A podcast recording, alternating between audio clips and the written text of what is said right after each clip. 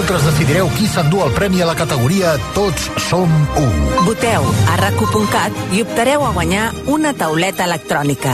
Tornen els Premis DRAC. La segona edició dels premis creats per RAC 1. Tots som u.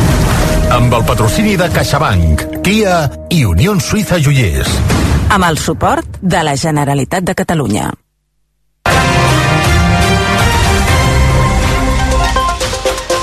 Les 3 en punt actualitzem la informació. Els Estats Units acusa Rússia d'haver comès crims contra la humanitat a Ucraïna. Ho ha dit fa uns minuts la vicepresidenta nord-americana Kamala Harris, que assegura que tots els que hagin comès aquests delictes hauran de retre comptes. Ah, ho ha dit des de la cimera de seguretat de Munic, a Alemanya, on hi participen diversos líders mundials. És el cas del primer ministre britànic, Rishi Sunak, o de la presidenta de la Comissió Europea, Ursula von der Leyen, qui aquest matí ha assegurat que estan estudiant l'enviament de munició a Ucraïna, pagat per avançat a la indústria armamentística.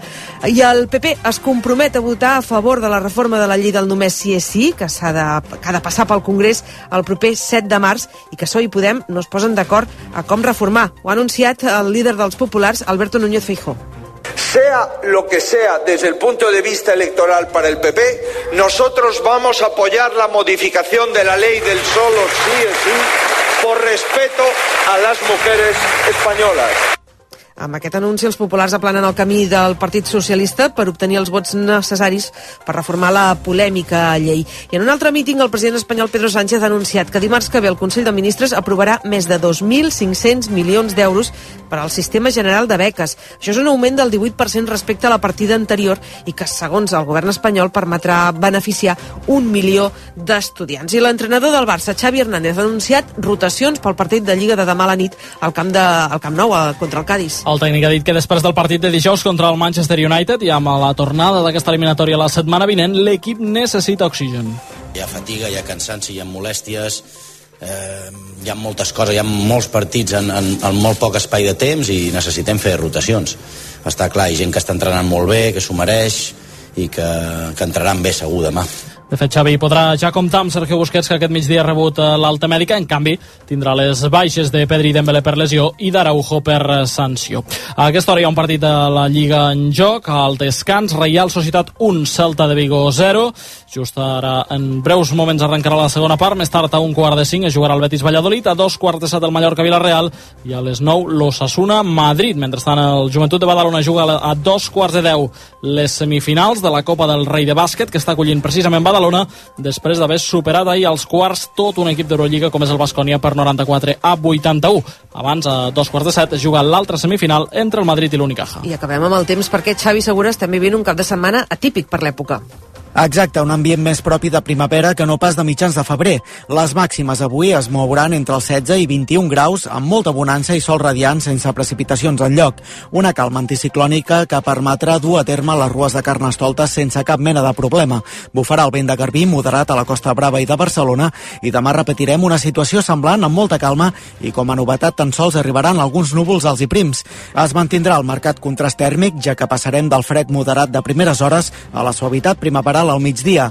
Més pols en suspensió que entre dilluns i dimarts arribarà al seu màxim. Les 3 i 3. Tanquem el racó migdia que hem fet la redacció d'informatius i d'esports amb la Mariona Montpart al control tècnic. A partir d'ara continuarem pendents de l'actualitat, els butlletins i els avanços informatius. I des de les 4 i fins a la 1 de la matinada amb els esports, primer amb el Superesports amb el Xavi Puig i després amb el Tu diràs amb el Dani Aguilar fins la 1 de la matinada. Ara us deixem amb el viatge bé. Bona tarda.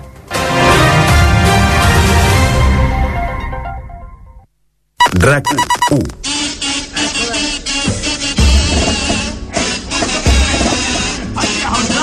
Aquest diumenge a les 9 Barça-Cádiz El fútbol que se está viendo en España jornada tras jornada. Ni eso es fútbol ni eso es nada.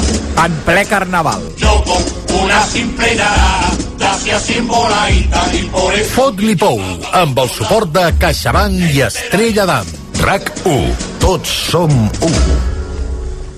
Teniu la maleta a punt, oi? Perquè ara mateix sortim de viatjar. A RAC 1.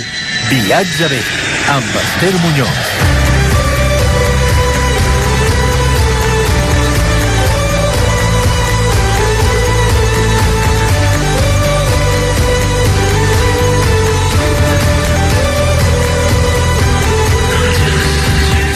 Bona tarda i benvinguts al programa de viatges de rac Aquesta tarda us portarem fins a la Polinèsia francesa i ho farem a través d'una història sensacional, la de l'expedició Contiki, una de les majors aventures del segle XX. L'any passat es va celebrar el 25è aniversari del moment en què sis escandinaus van construir una embarcació amb troncs i van navegar des del Perú fins a la Polinèsia. Amb l'excusa dels seus 25 anys, el fotògraf i escriptor de viatges Jordi Canal Soler ha fet realitat un somni que tenia des de ben petit, viatjar a la Polinèsia i trobar-se amb els habitants de Raroia, la petita illa fins on va arribar la Contiki i parlar amb ells, preguntar-los quins records tenen d'aquella expedició i saber com viuen actualment. Serà el primer viatge que farem avui el segon ens portarà fins a Ucraïna i el farem a través d'una de les lectures viatgeres que l'Helena Bernades de la llibreria Altair ha triat aquesta tarda de dissabte, tenint en compte, sobretot, que el proper divendres, 24 de febrer, farà un any de la invasió russa d'Ucraïna i l'inici d'una guerra. I abans de marxar saludarem a la Maria Jesús Tomé, l'editora del portal tusdestinos.net, que avui ens portarà d'excursió en família per la sèquia major de la Pineda Platja al Tarragonès. Preparats per les nostres escapades? Doncs embarquem.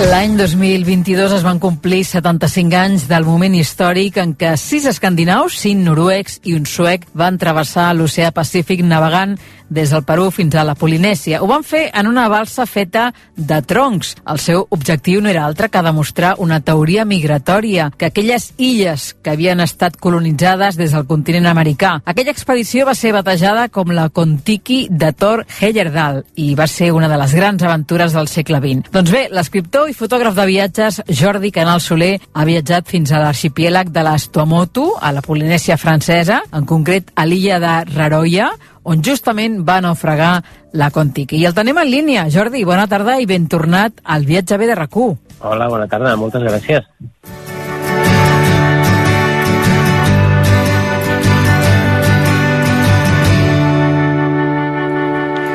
Sempre buscant històries a en Jordi, Canal, Soler i déu nhi amb aquesta que, que t'hi vas trobar. A més a més, Jordi, en dos llibres que vas llegit, no?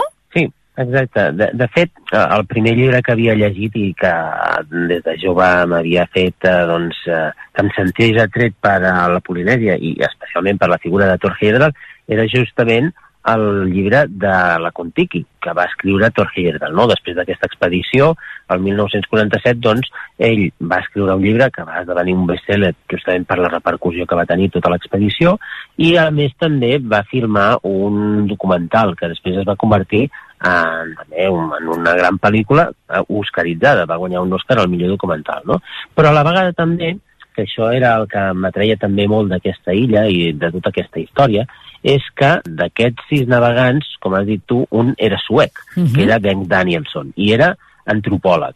I aquest eh, suec el que va fer va ser doncs, arribar a l'illa, igual que els altres, però es va fixar que era un lloc remot mm, on podria fer la seva tesi doctoral sobre com vivia la gent de la Polinèsia. No? I llavors, al cap d'uns anys, hi va tornar per viure entre un any i mig i dos anys, de fet hi va anar amb, amb la seva dona, Maria Terès, i es van quedar allà a viure amb aquella comunitat de manera que van poder escriure després no només la tesi doctoral, sinó després dos llibres. I aquests llibres són els que m'havien arribat a mi, els vaig llegir, i esclar, vaig veure l'oportunitat perfecta per poder comparar no només eh, doncs, com vivien ara actualment els polinesis, sinó també veure, comparant-ho no, amb com vivien fa 75 anys, que és quan hi va arribar la Contiki i, i Ben Daniels. Llavors veure com és de diferent la vida en una illa de la Polinèsia francesa respecte a una altra que ja hi ha estat, per exemple, que és Bora Bora, que és totalment turística, totalment modificada per a la globalització i, per tant,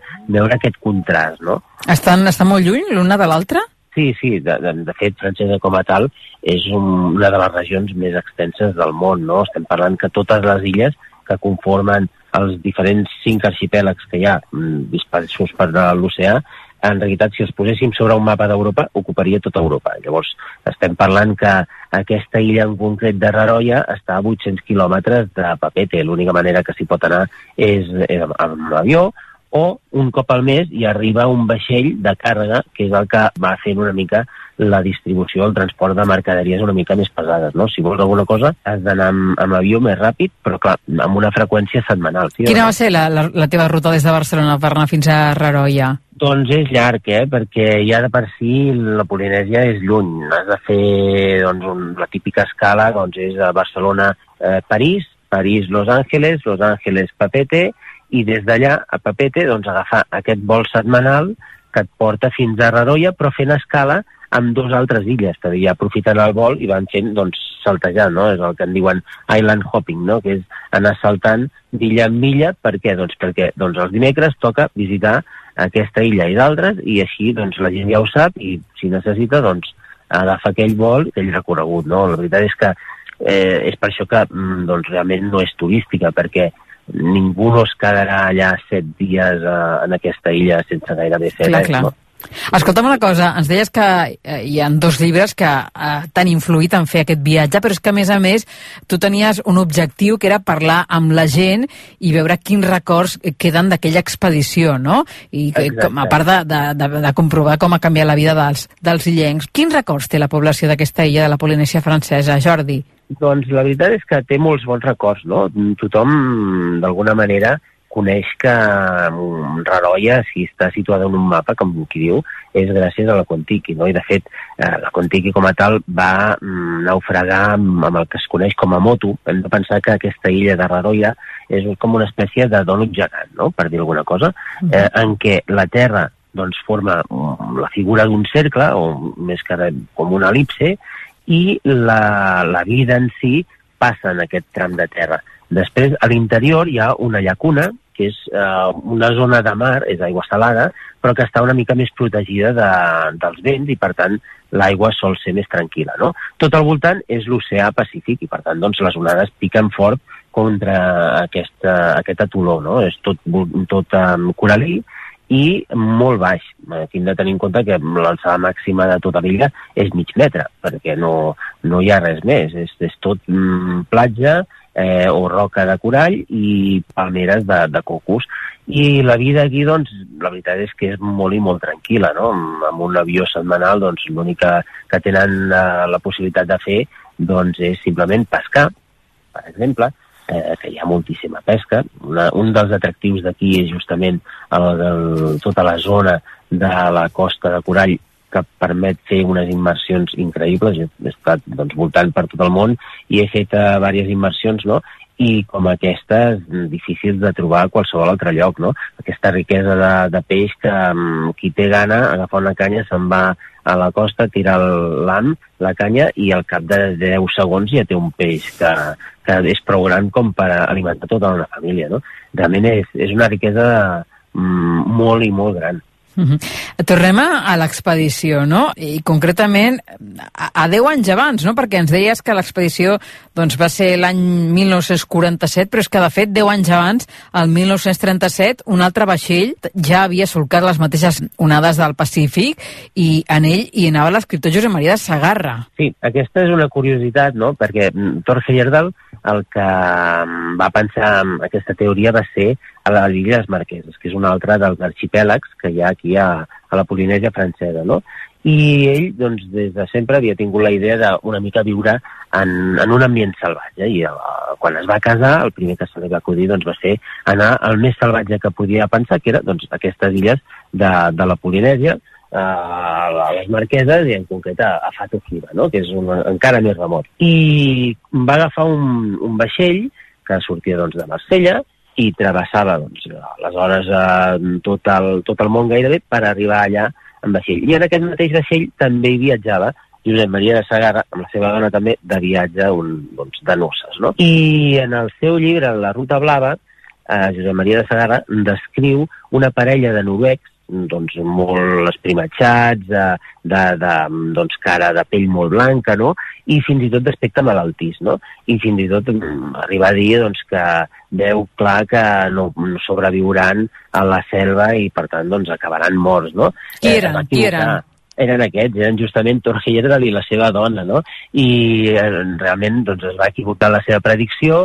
Eh, sí que va ser difícil la vida a Fatuhiva per Torge Yedral i la seva dona, però va ser aquí on es va donar doncs, que els vents sempre bufaven de l'est, que hi havia certes semblances entre les estàtues de les marqueses i les estàtues de Tiwanaku, eh, el, el que seria doncs, l'altiplà de Bolívia, eh, que hi havia algunes paraules que s'assemblaven, alguns aliments que provenien de Sud-amèrica, i llavors aquí és quan va establir la seva teoria, que a grans trets venia a dir que la Polinèsia podia haver estat poblada per gent de Sud-amèrica. No? Després, la genètica sí que doncs, ha permès estudiar el que seria doncs, la distribució genètica de les diferents poblacions i s'ha vist que la Polinèsia en realitat va ser poblada per gent venint de Taiwan. No? Uh -huh. Però mm, aquella teoria doncs, li va, d'alguna manera, idear la possibilitat de construir una barca per fer una mica un viatge de descoberta mm, experimental per veure si allò hauria pogut eh, ser factible. No? I aquí està la gràcia de la Contiki, que és la primera mostra del que s'anomena arqueologia experimental. No? Si Què vol dir? Què vol cosa, dir l'arqueologia? Doncs significa això, que si vols provar alguna cosa, el millor que pots fer és fer-ho i veure si realment és factible. No? Les teories, eh, doncs, eh, fins que no es posen a la pràctica, no se sap si podien ser certes o no.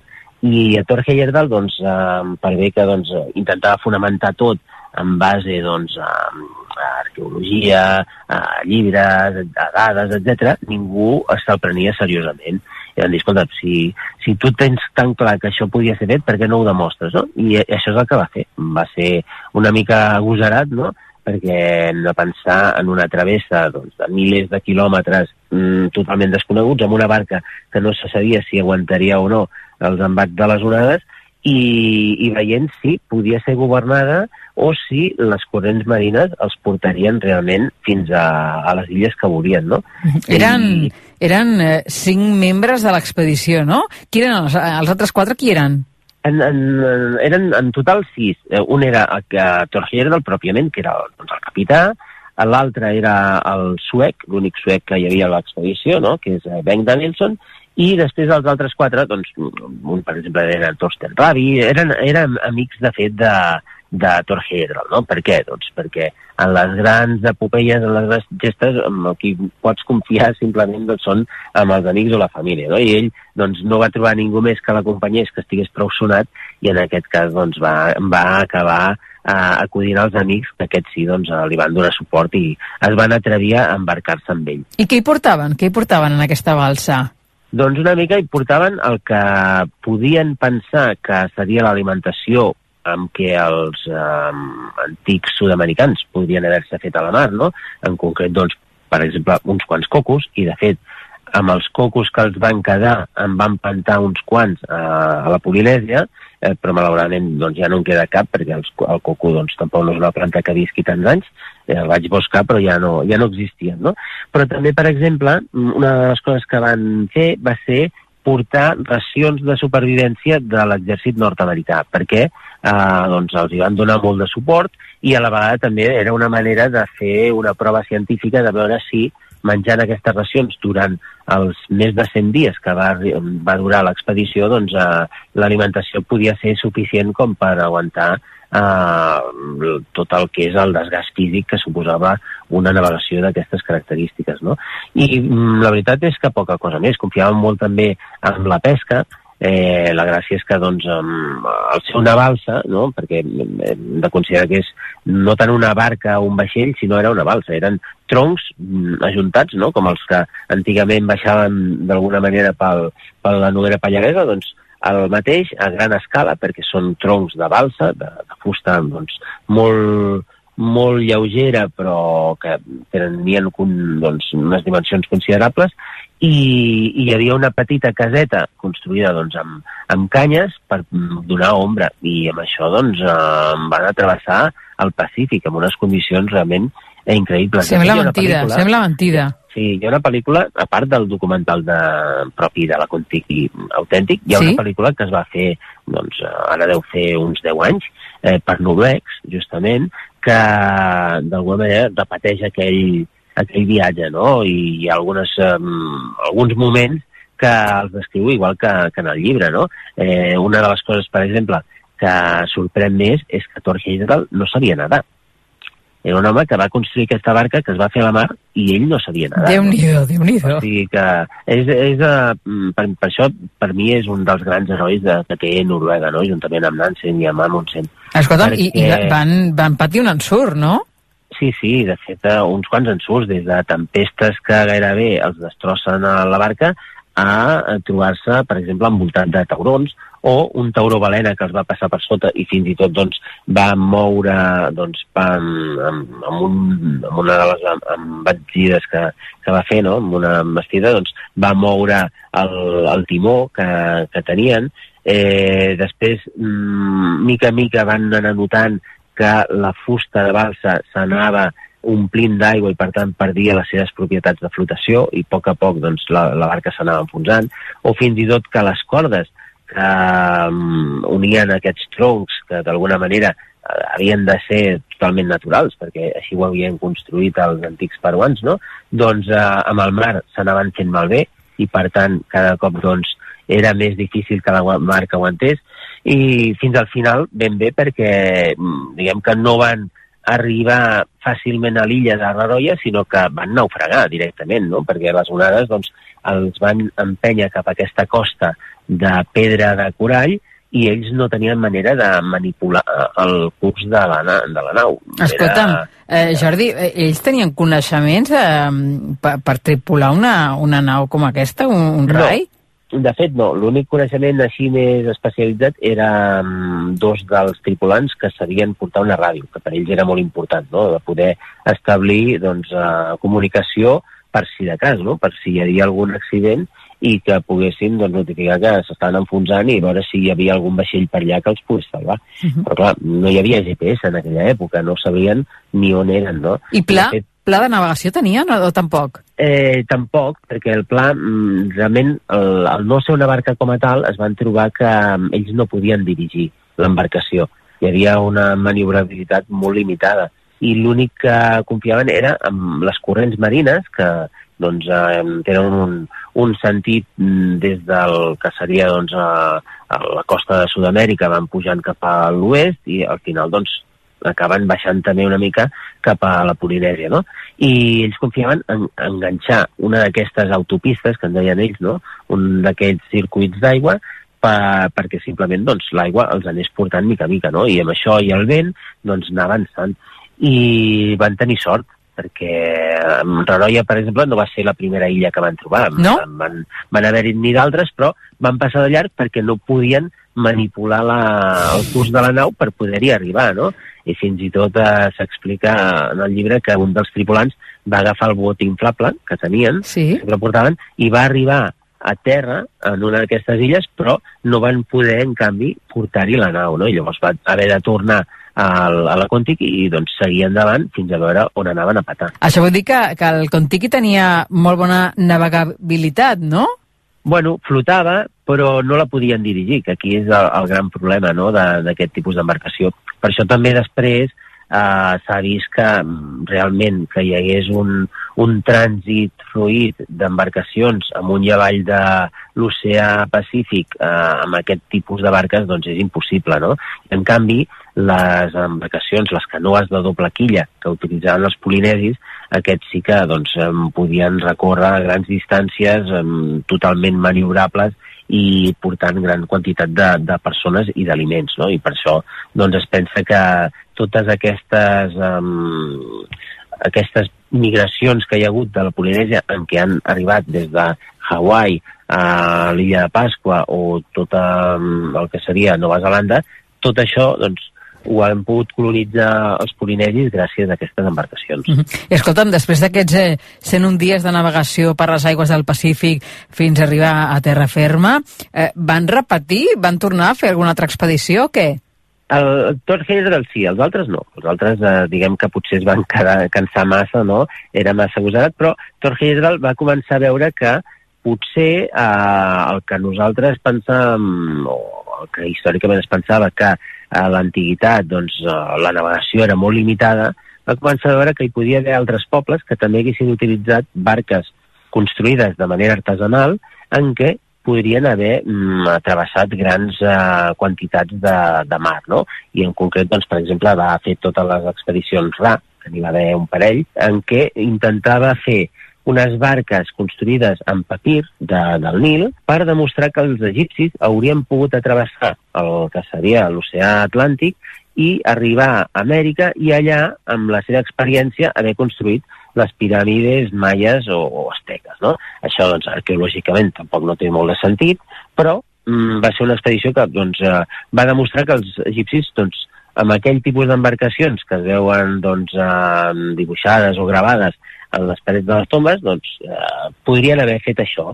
I després també en va construir una altra, per exemple, amb, amb canyes de, del sud d'Iraq, no? de, de l'Eufrates i del Tigris, tota aquella zona, per demostrar que els antics babilonis també haurien pogut navegar fins a les costes d'Aràbia. No? Eh, va fer diverses eh, coses d'aquestes i després també tenia tota una sèrie de diferents um, teories arqueològiques que després doncs, moltes d'elles s'han demostrat errònies, no? però l'important és que era un home molt inquiet i sobretot que va saber fer aquest pas de saltar cap a l'arqueologia experimental, no? d'intentar demostrar amb, doncs, amb les mans o amb, les, amb, la, amb la pràctica a totes aquelles teories que ella anava pensant. Jordi, eh, anem a rememorar aquesta estada que has fet tu en aquest petit paradís d'aquest atoló que es diu Raroia, no? Eh, es deies que, que és un lloc doncs, eh, on hi ha pocs hotels, no? Per no dir que no n'hi ha hotels no ni, resta... ni, ni, no. ni... I llavors ni on et quedaves tu? On et quedaves? Uh, jo em vaig quedar aquí, eh, el que sí que hi ha, per exemple, és un ajuntament, és una oficina de correus, és eh, una església, això sí que hi és, justament per donar servei a, als habitants. No? Llavors, l'Ajuntament com a tal té un petit edifici annex d'un parell d'habitacions que utilitza per rebre els oficials o la gent que va a treballar allà eh, temporalment, no? I jo em vaig quedar allà, en una d'aquestes habitacions. I, de fet, eh, amb mi a l'avió viatjava un, un noi que treballava per correus i que havia d'anar a fer la inspecció d'aquesta estafeta de correus, comprovar que la comptabilitat era correcta, etc. No? Però per una feina que li va durar un matí, resulta que es va haver d'estar tota la setmana perquè fins al cap d'una setmana no sortia el clar, següent clar, avió. clar, clar. Llavors, eh, doncs, estava allà de punching una mica, doncs, de tranquil·litat, perquè no tenia res més a. Home, que escolta'm, amb aquelles platges, mm, un, un bon relax i un bon descans. Sí, a- això està bé, però clar, ella em deia, per exemple, doncs, que tenia família, tenia un, un nen d'un mes que li acabava de néixer, i, i que a més mm, això era una cosa que, que ja li havia passat més d'un cop, o sigui, de platges eh, d'aquestes eh, de somni, ell estava massa acostumat a Les té molt vistes. Llavors, ja no, ja no li entusiasmava i, i s'estava plantejant de canviar de feina justament per això. I a tu què t'han semblat? A mi, realment, mm, fantàstic. O sigui, no només el paisatge, eh, en si, sinó sobretot la gent, no? Jo una mica buscava eh, comprovar si, com deia Ben Danielson, aquesta gent vivia en el paradís, no? I ells mateixos et diuen que sí, que això és el paradís, que ells, eh, aquest tipus de vida per ells és, és perfecte, perquè si necessiten trobar menjar, se'n van a, a la platja, tiren la canya i ja tenen el peix. Si volen una mica de diners per comprar les poques coses que necessiten, doncs el que se'n van és a, en els boscos de, de palmeres de coco, recullen uns quants cocos, els tallen per la meitat, els posen a secar i amb això aconsegueixen la copra, no? que és el coco sec que el govern els paga, mm, ells els van recollint durant tot l'any, mm, al final els paga i molt bé de preu, i per tant amb això tenen els diners per després poder comprar el que vulguin. No? Si necessiten alguna cosa mm, de medicina que es troben malament i han d'anar a l'hospital, sí que han d'agafar l'avió, però tot està subvencionat i fins i tot l'estada a Tahití per després estar a l'hotel o, o fer les revisions mèdiques, doncs mm, també està pagat. O sigui, viuen, mm, com, com diuen ells, en el paradís, no? Uh -huh. eh, ara, tots els paradisos també tenen una mica el seu costat fosc, no? Per suposat. I, I aquí també existeix. I una mica el costat fosc és la despoblació. És Quanta gent hi viu? illa, 150 persones. Això és el, seria, diguem, el, el recompte oficial, però moltes d'aquestes persones, un- una tercera part, són estudiants que no viuen allà, sinó que han d'anar a estudiar a, a una altra illa propera, el que serien els cursos més elementals, o després a Tahití si volen ja fer estudis superiors. No? Com, com es desplacen en... en... amb, amb avió, això sí, tenen els avions que, que els porten, no? Però el problema és que un cop aquests joves han tastat la vida a la ciutat, llavors ja no volen tornar. Clar, clar, clar, clar, clar perquè Per són desplaçaments que fan un cop per setmana. Suposo que es queden tota la setmana estudiant. No, no, no. Després també, mm, quan, quan ja són temporades llargues, eh, si estan allà en una, en una espècie d'internat, no? O bé, si no, amb la família, perquè sí que molt, moltes d'aquestes famílies que són molt extenses doncs tenen una tieta, un cosí o, o un oncle que viu a Tahití, per tant, Val. allà els acull, no? Però sí que és cert que un cop han estat allà i veuen doncs, que Tahití ja és cinema, ja, eh, hi ha noies, perquè també mm, a l'illa no n'hi ha gaires, no? De, ni, ni nois ni noies. Llavors, qui es queda sol allà, doncs realment es queda sol eh, en quant a la seva generació, no? Escolta'm, sí, digues, digues. Per això, per això els interessa doncs, quedar-se allà i realment qui està interessat en anar a l'illa, de quedar-se aquí, doncs és gent ja, diguem, amb una certa edat, no?, ja ho té tot pis, tot fet, i el que vol és tranquil·litat. Ens parlaves de l'educació. Eh, tu hi vas visitar l'escola de Raroia. Sí, sí, jo volia visitar l'escola justament per veure una mica com, com estudiaven, no? Perquè mm, són 13 nens d'edats entre 3 i 11 anys i volia veure com, bueno, com, com tenien distribuïdes les aules. I una mica m'explicaven que és, és com en les escoles rurals franceses, que mm, tots els nens del poble doncs, estan allà i el professor és qui eh, en una mateixa aula posa doncs, feines diferents, de diferent dificultat, segons l'edat del nen. No? Eh, té doncs, mm, coses bones i dolentes. Mm, Evidentment, potser els nens no van al mateix nivell en què haurien d'anar amb altres escoles si anessin en una classe únicament de la seva edat, no? però en canvi doncs, té el component de, de l'ajuda, no? i això també és una cosa que en tota la comunitat es veia moltíssim, que és la, aquesta, aquest sentiment de comunitat. No? Ells viuen allà i, i tots els nens, doncs, entre ells, s'entenen per igual, els grans ajuden als petits, els petits fins i tot als grans, eh, la gent també, entre ells, doncs, s'ajuda constantment, es reforcen, si, si jo vaig a pescar i he tingut més èxit que tu, doncs al final et donaré un peix o dos perquè puguis menjar, i perquè avui t'ho donaré jo i demà m'ho donaràs tu a mi. I escolta'm, Jordi, eh, els nens eh, eh, coneixen la història de la Contiki? Eh, eh, no, no massa. Saben el que és, però no sabien exactament de què es tractava o, o què és el que havien intentat eh, demostrar aquests eh, escandinaus. No? I llavors eh, aquí és on vaig convertir-me en professor per una hora i els hi vaig explicar doncs, eh, tot el que era la teoria de migratòria de Hegel, però després també doncs, la, la teoria genètica més eh, reconeguda actualment per explicar-los doncs, ells mateixos d'on venien i perquè d'alguna manera doncs, era important la Contiki per en Raroia, però també per Polinèsia francesa, no? perquè al final és un, una atracció turística, podríem dir, d'aquest lloc. Però sí que és veritat que crec que tenen un petit monument. Sí, de fet, eh, el 2007, quan es van complir 60 anys, eh, es va construir una segona Contiki, que es deia Tangaroa, eh, i va ser construïda justament pels nets de Torres Heyerdahl, no? I van intentar realitzar el mateix recorregut, el mateix viatge, per mm, actualitzar-lo, no? O, de fet, també per reclamar una mica mm, un altre, un altre tema que amb ells els preocupa molt, que és la contaminació dels mars, no? perquè quan van navegar a la Contiki, doncs, fa 75 anys, el mar d'alguna manera era verge encara, però ara, actualment, doncs, el viatge hauria estat molt diferent i potser en comptes d'anar pescant peixos durant el viatge, el que farien doncs, és pescar mm, plàstics, no?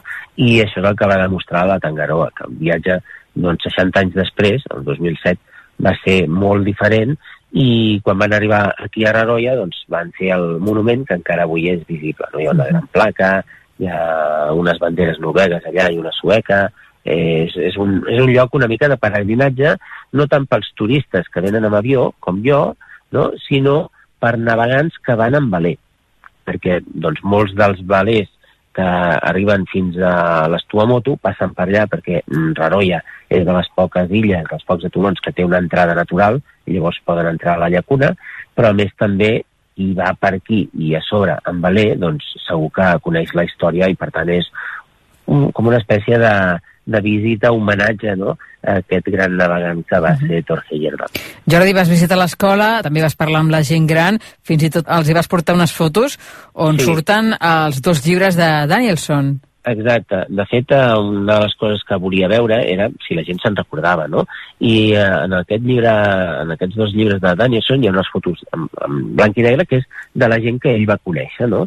I és gent que tot ella doncs, ja, ja ha mort, no? Uh, I vaig trobar una parella d'avis, de, el més gran ja tenia 82 anys, o sigui que quan va arribar a Contiki en tenia 7, i, i vaig ensenyar-li les fotos i es van alegrar moltíssim perquè van reconèixer a tothom d'aquelles fotografies, però més també ells deien que no en tenien cap d'aquella època. Llavors els hi vaig deixar les fotografies, no? com, com un record d'una època doncs, que ja havia passat i que d'alguna manera doncs, no, no tornaria mai, no? perquè doncs, tota aquella gent ja havia desaparegut, però ells encara se n'en recordaven, no? i fins i tot d'algunes anècdotes. No? Mm, Explicaven, per exemple, que quan van arribar a la Contiki, eh, doncs, el poble està a l'altra banda de, de la Toló, no? Realment no, no es van assabentar que havien arribat als noruecs, però sí que amb la pròpia tempesta que va abocar la Contiki contra el, aquesta illa de, de, de Raroia, doncs aquella mateixa tempesta, al, al fer naufragar la nau, va abocar totes les, les llaunes de conserva a la llacuna i van anar flotant mica a mica fins a arribar a la platja de la població. I els nens, doncs, van anar, anar trobant aquestes uh, llaunes i per això van advertir als adults de que passava alguna cosa i va ser llavors quan els adults, de fet l'alcalde d'aleshores, que era l'avi de l'alcalde actual, no? doncs uh, va enviar unes canoes per veure qui trobaven i finalment doncs, van trobar uh, a la gent de la Contiki allà perduts, naufragats al mig d'una illeta. No?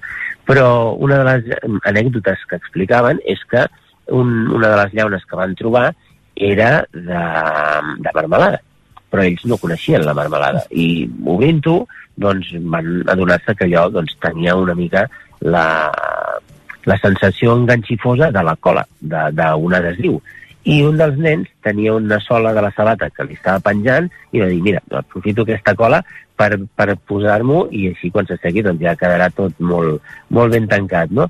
I clar, hi va posar marmelada, després van anar a l'església i quan estaven allà eh, doncs pregant, es mira les sabates i estava tot ple de formigues, no? Llavors és quan es va adonar que allò no, allò tenia sucre, era dolç i per tant era comestible i era una altra cosa que, del que s'havien pensat, no?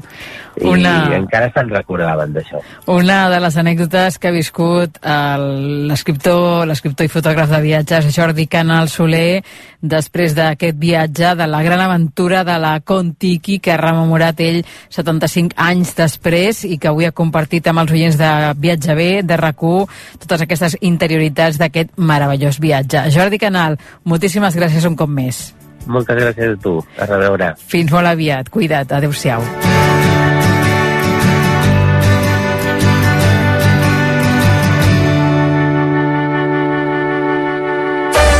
RAC1 us està oferint Viatge bé amb Esther Muñoz.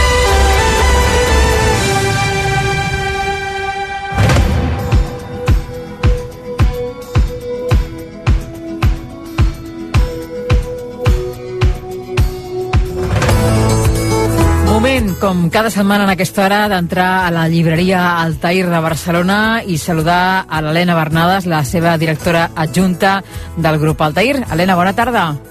Molt bona tarda. Ens has preparat dos llibres, dues lectures viatgeres per aquestes setmanes, oi? Bueno, avui volia parlar-vos de que fa ja un any, quasi bé, de que va començar aquesta guerra inesperada amb Ucraïna, bueno, o no tan inesperada, de la que realment en sabem ben poca cosa del que amaga la geopolítica i els motius que l'han fet esclatar, més enllà del que s'ha publicat pels mitjans de comunicació. Us volia portar un petit recull de la bibliografia més recent que s'ha publicat i s'està publicant, que intenta posar nom i ordre a aquestes causes i a aquests objectius que hi ha darrere de tot plegat, des d'un punt de vista diferent, amb diferents perspectives, que aborden diferents temes i diferents aspectes complementaris del conflicte, des de Noam Chomsky, que el politòleg que ha publicat el llibre de Por què Ucrània, publicat amb Alta Marea, o, per exemple, el llibre que va publicar amb l'editorial Debate el president Zelensky, que es titula Un mensaje des d'Ucrània. També tenim altres veus des d'un soldat rus, aquest, en aquest cas, que el publica Galàxia Gutenberg. Pavel Filatiev és un soldat que va dir no a la guerra d'Ucraïna un cop va tornar. Va ser dels primers que al febrer del 2022 va anar a primera línia a iniciar una guerra incerta d'un testimoni de primera persona on ni, ni ell ni tan sols ells sabien on anaven i per quin motiu hi anaven. També tenim una història, una novel·la que es titula La meva Ucraïna, de Victoria Bellim, que publica l'editorial Univers, que és una novel·la on ens parla de la Ucraïna al llarg de quatre generacions a través d'una novel·la enmig de la guerra del 2014 amb el tema de Crimea. Tenim diferents autors, diferents perspectives, crònica periodística, novel·la i assaig, que ens intenten desxifrar una mica tot aquest entramat que s'està coent des de fa un any a Ucraïna i donar-li una mica més de pedagogia al tema per poder esbrinar una mica què està passant, cap a on va tot plegat i quines són les batalles amagades que hi ha darrere. Uh -huh. Tenen sortida aquests llibres, Helena? Es venen? La veritat és que nosaltres tenim un públic bastant conscienciat, llavors sí que tenim un target una mica enfocat a conèixer què passa als altres territoris del món i nosaltres sí que notem que hi ha un interès. Potser no tant perquè no és un llibre de distracció o un llibre a més, sinó que t'ha d'interessar el tema i has de voler-ne saber més, però nosaltres l'enfoquem més cap a coneixement global, perquè al final no és només què està passant a Ucraïna, sinó que hi ha molts temes darrere de la geopolítica actual que poden ser molt interessants i es coneixen a través d'aquests títols. Uh -huh. El passat eh, 24 de febrer de 2022 va començar aquesta guerra, aquesta invasió russa d'Ucraïna, aquest episodi bèl·lic eh, a gran escala que forma part ja de la nostra història i que, com molt bé ens està explicant l'Helena Bernadans, doncs ha, ha fet no, que les llibreries s'omplin de, de llibres sobre, sobre aquesta guerra, no? Sí, malauradament, malauradament hem de dir estan escrint moltíssima bibliografia al respecte i sí que és cert que jo crec que en seguirà sortint perquè tot això sembla ser que va per llarg i que està merament començant. Uh -huh. Fem una recapitulació de, dels llibres que ens has eh, comentat. Doncs mira, pel que li interessi tot el tema molt més de crònica periodística, assaig i una mica què està passant bèl·licament o geopolíticament i políticament al país, tenim el llibre de Zoff, que ha publicat Galàxia Gutenberg, que, sobre un soldat rus que va dir no a la guerra i va tornar a Rússia i ara ha publicat aquest llibre. Tenim també el llibre de Por què Ucrània que publica l'editorial Alta Marea amb l'autor Noam Chomsky darrere, amb el politòleg referent. També tenim el llibre que va escriure el president Zelensky que es titula Un missatge des d'Ucraïna i després, si voleu ja una informació molt més novel·lada, amb una història ja d'una família a Ucraïna, hi ha el llibre de la meva Ucraïna que publica l'editorial Univers de Victoria Bellim. Mm. Suposo que també a la vostra llibreria eh, organitzeu conferències, no?, entorn a aquest tema. Doncs la veritat és que sí, en vam fer eh, dues eh, just abans de l'estiu, una mica per saber què estava passant i posar una mica els punts sobre les dits d'aquestes incògnites que encara no queden resoltes, i d'aquí ben poc esperem poder-ne tancar una altra. Uh -huh. Doncs Helena Bernades, moltíssimes gràcies per ser-hi un dia més, un dissabte més al Viatge B de rac Gràcies a vosaltres. Que vagi molt bé, adeu-siau.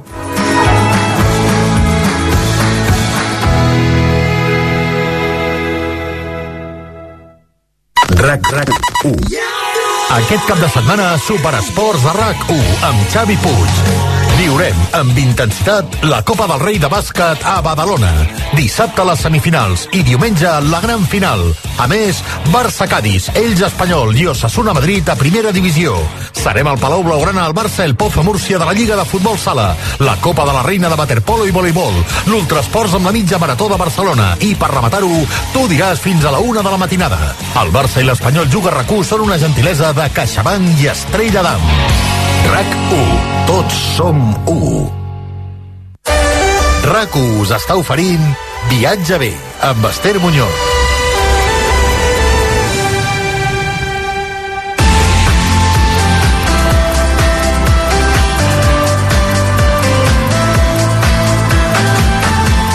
Som al Mapa RAC1, el concurs de participació del viatge B i ara és moment de saber qui s'emportarà, atenció, al menú garoïnada per a dues persones que fins al 31 de març podreu gaudir a diferents restaurants de Palafrugell i de la zona i que inclou aperitiu de garoines, un plat principal de cuina empordanesa, postres de cremats, aigua, vi i cafè.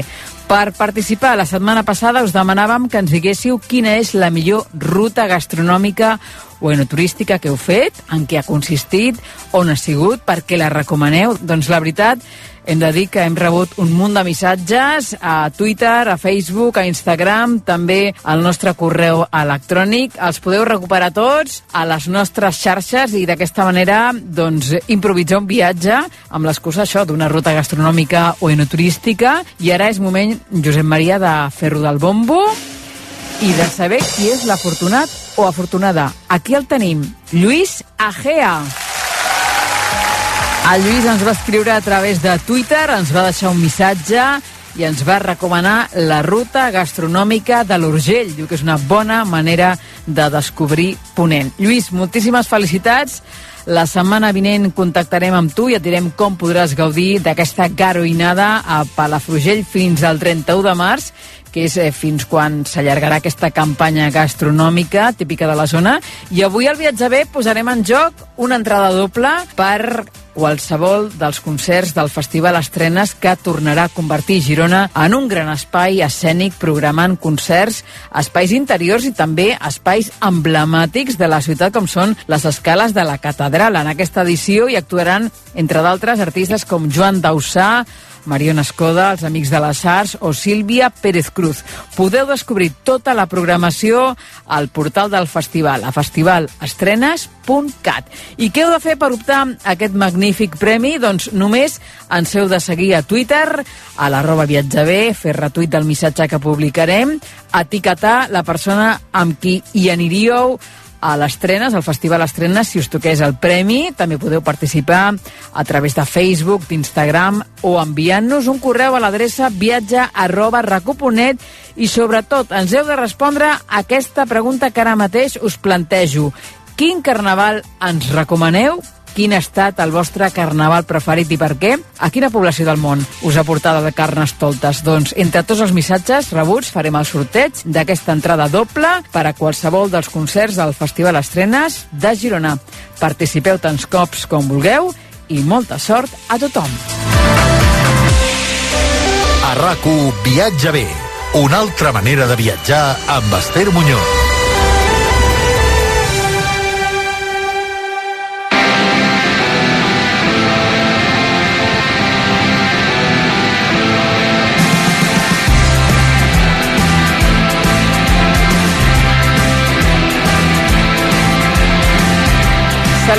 La nostra col·laboradora, Maria Jesús Tomé, editora del portal tusdestinos.net. Maria Jesús, bona tarda. Bona tarda, Esther. Ben tornada.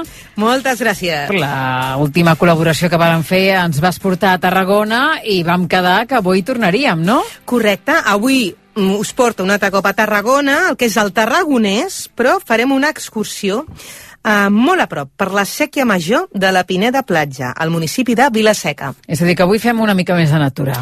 Sí, jo crec que l'altre dia vam parlar de patrimoni i jo crec que ara toca fer una miqueta de natura, excursions, veure animalons eh, amb els nens, a conèixer també la flora. Això també combina, marida molt bé. Aquests són els motius pels quals tu has decidit que, que ens portaves aquí amb la canalla? Sí, i la veritat és que, a veure, un dels motius, perquè a mi realment em sembla aquest indret, la sèquia major de la Pineda, em sembla molt curiós perquè tu saps que és una població molt turística, que està envoltada d'hotels, de parcs temàtics, de camps de golf, i que hi hagi un espai natural amb una diversitat de, de flora i de fauna tan important, a mi em sembla molt sorprenent. Sí, la veritat és que la imatge que tenim és aquesta, no? sobretot d'una zona mm, enfocada al turisme, no? I potser aquest espai natural doncs, ha passat una mica desapercebut. Totalment. A més, és un aiguamoll de més de 17 hectàrees, que no estem parlant de que sigui una zona petitona. No? Tenim construccions modernes i espais naturals a tocar. O sigui que és una combinació, escolta... Sí, complementària, no? Totalment. Molt completa, no? Eh, de fet, eh, hem vist, eh, just que és una, una zona humida litoral, que a més a més està protegida pel Pla d'Espais d'Interès Natural.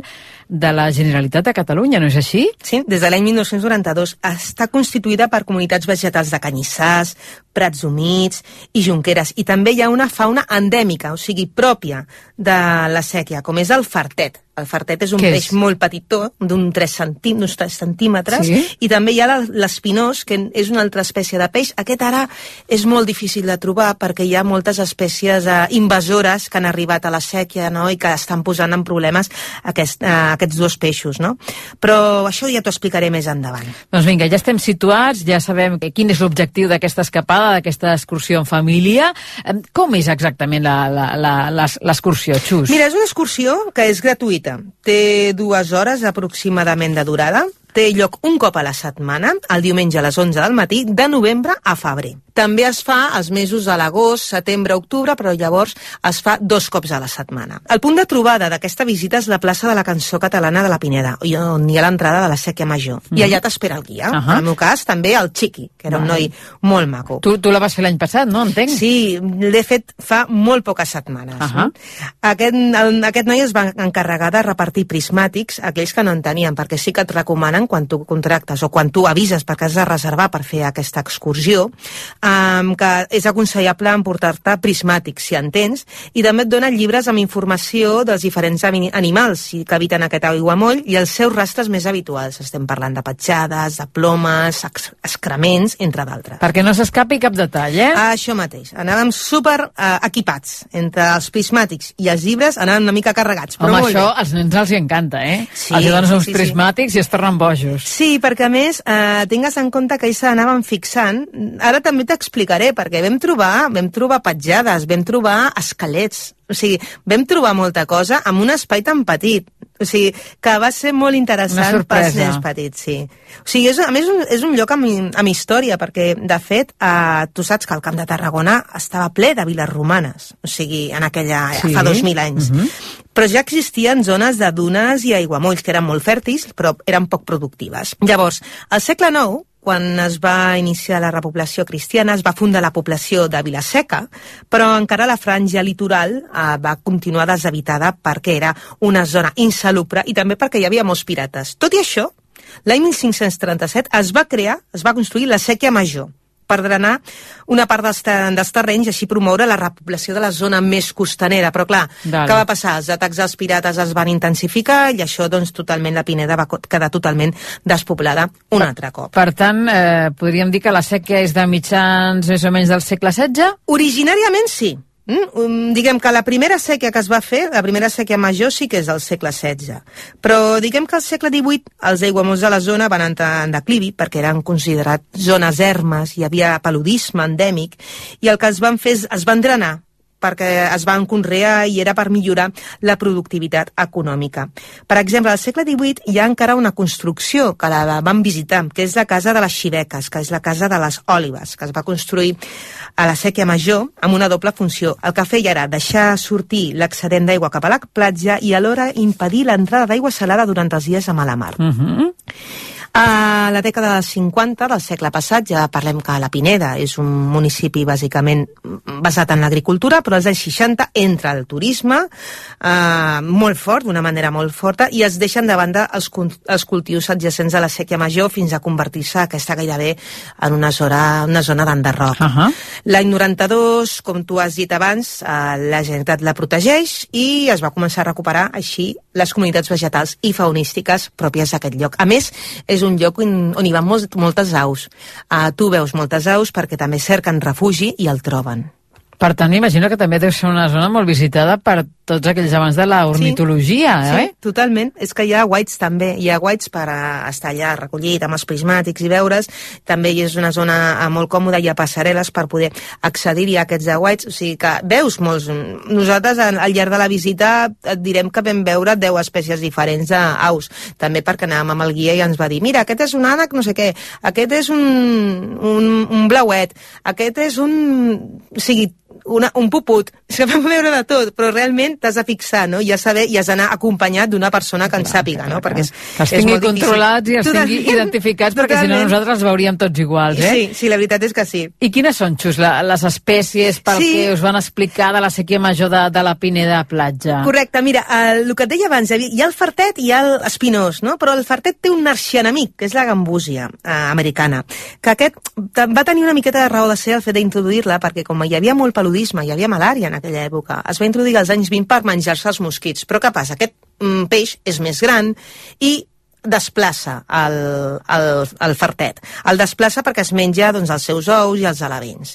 També hi ha eh, els, el típic galàpag europeu, però què passa? Hi ha una altra espècie invasora, que aquí hem de dir a la gent que quan tingui tortugues domèstiques a casa, que tenen normalment la tortuga domèstica de Florida, quan es faci gran, no creuen que li fan un favor deixant-la al riu, ai, perquè la pobra tortugueta tindrà més no, no, espai. s'ha d'apuntar, s'han de portar als centres. Mira, l'altre dia en parlàvem a, al versió RAC1 amb el Toni Clapés, que ell ho explicava, no?, que, que a casa havien tingut una tortuga que s'havia fet molt gran Correcte. i que al final l'havien portat a un centre d'aquests, a un centre, un a crac. un centre de recuperació d'aquestes tortugues, perquè és que són molt invasores. Uh, això també m'ho va explicar a mi el José Luis Gallego fa molts anys, potser fa més de 20 anys, a la Serra de l'Albera, que hi ha un centre de recuperació de la tortuga de la Serra de l'Albera. I això, que aquestes tortugues, un cop es fan grans, doncs no s'han de deixar a la natura, perquè després es mengen tot. O sigui, són uh, espècies invasores, com el cranc americà. El cranc americà és un altre que va arribar a Catalunya i a molts, a molts indrets d'Europa i s'ha menjat els arrossars. O sigui que s'ha de tenir molt de compte quan prenem algunes decisions. Per tant, un dels missatges que, que mm, arriben no, a les persones que fan aquesta ruta, sobretot en especial als nens, no, és que això eh, no s'han de deixar eh, allà les tortugues. Eh? Això és importantíssim. És molt important perquè els nens petits que saben, no? ells no tenen coneixement d'això. És una excursió que agrada als nens perquè això que et deia, és que vam trobar empremtes d'animals, vam veure una petjada d'un teixó, vam veure plomes de puput, vam veure nius i vam veure l'esquelet d'una serp. Semblava a la raspa d'un peix, però ens van dir, no, no, això és l'esquelet d'una serp. I això crida realment molt d'atenció. I després, per exemple, el meu fill es va quedar perquè el xiqui li va explicar les diferències de com rossega una pinya, un ratolí i un esquirol. Perquè el ratolí se la menja tota gairebé i en canvi l'esquirol es menja només les llavors i deixa els filaments. Són coses que aprens quan fas una visita d'aquest tipus, no? Uh -huh. Has dit que, que portaves prismàtics, eh, Mhm. Xus, a l'excursió. Entenc que era, doncs, bàsicament per això, eh, per fer l'observació. Clar, és que vam veure ànecs de diferents tipus, el que et deia blauets, bernats pescaires, un corp marí, una bandada d'estornells. I després que es movien amb molta tranquil·litat perquè aquests, eh, hi ha per exemple el xuriguer que és el seu depredador natural quan està per allà l'estornell està ben amagadet. I a més sí que cert que al costat hi ha un camp de golf i posen una mena d'espantaocells però no en forma de persones sinó en forma de rapinyaire gegant uh -huh. perquè així eviten que els estornells es mengin les llavors de la gespa o sigui, ja et dic, és un espai eh, molt maco, la sèquia major de la Pineda. Aprens moltíssim i és una excursió molt instructiva per anar amb la família. Que ens interessa, eh? Ara venen molts caps de setmana per endavant, sí. després de les vacances, i hem de motivar a la canalla Mm, per fer la visita. Eh, instruccions bàsiques, Xus, no? Per anar a la sèquia major, sí. com ens orientem? A veure, es pot fer entre els mesos d'agost i febrer. És gratuïta. Es fa en grups reduïts i és apta per totes les edats, però s'ha de reservar, encara que sigui gratuïta.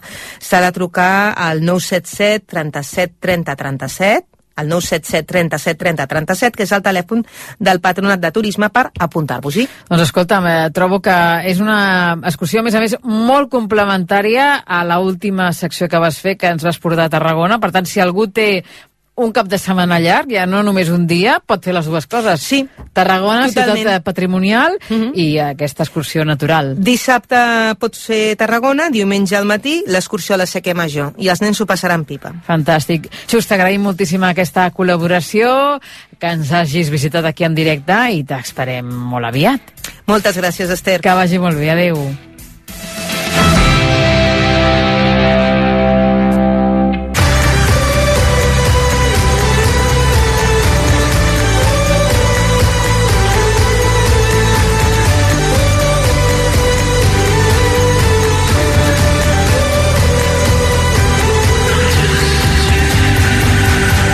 be Fins aquí el viatge bé d'avui dissabte. Salutacions meves i del Daniel Puntiprats i el Josep Maria Cases a la realització tècnica que acabeu de passar un molt bon cap de setmana, també un molt bon carnaval i nosaltres ens retrobem en tres setmanes perquè la setmana vinent, concretament, hi ha partits de Lliga, compromisos esportius, l'Espanyol Mallorca i també diumenge l'Atlètic Club Girona, i la primera setmana de març hi ha el Getafe Girona i el Valladolid Espanyol durant tot el cap de setmana. Per tant, nosaltres ens retrobarem dissabte 11 de març a les 3 i 3 de la tarda. Fins aleshores, que vagi molt bé. Adéu-siau. Senyores i senyors, en nom d'Ester Muñoz, gràcies per viatjar en Viatge B a rac i fins dissabte que ve.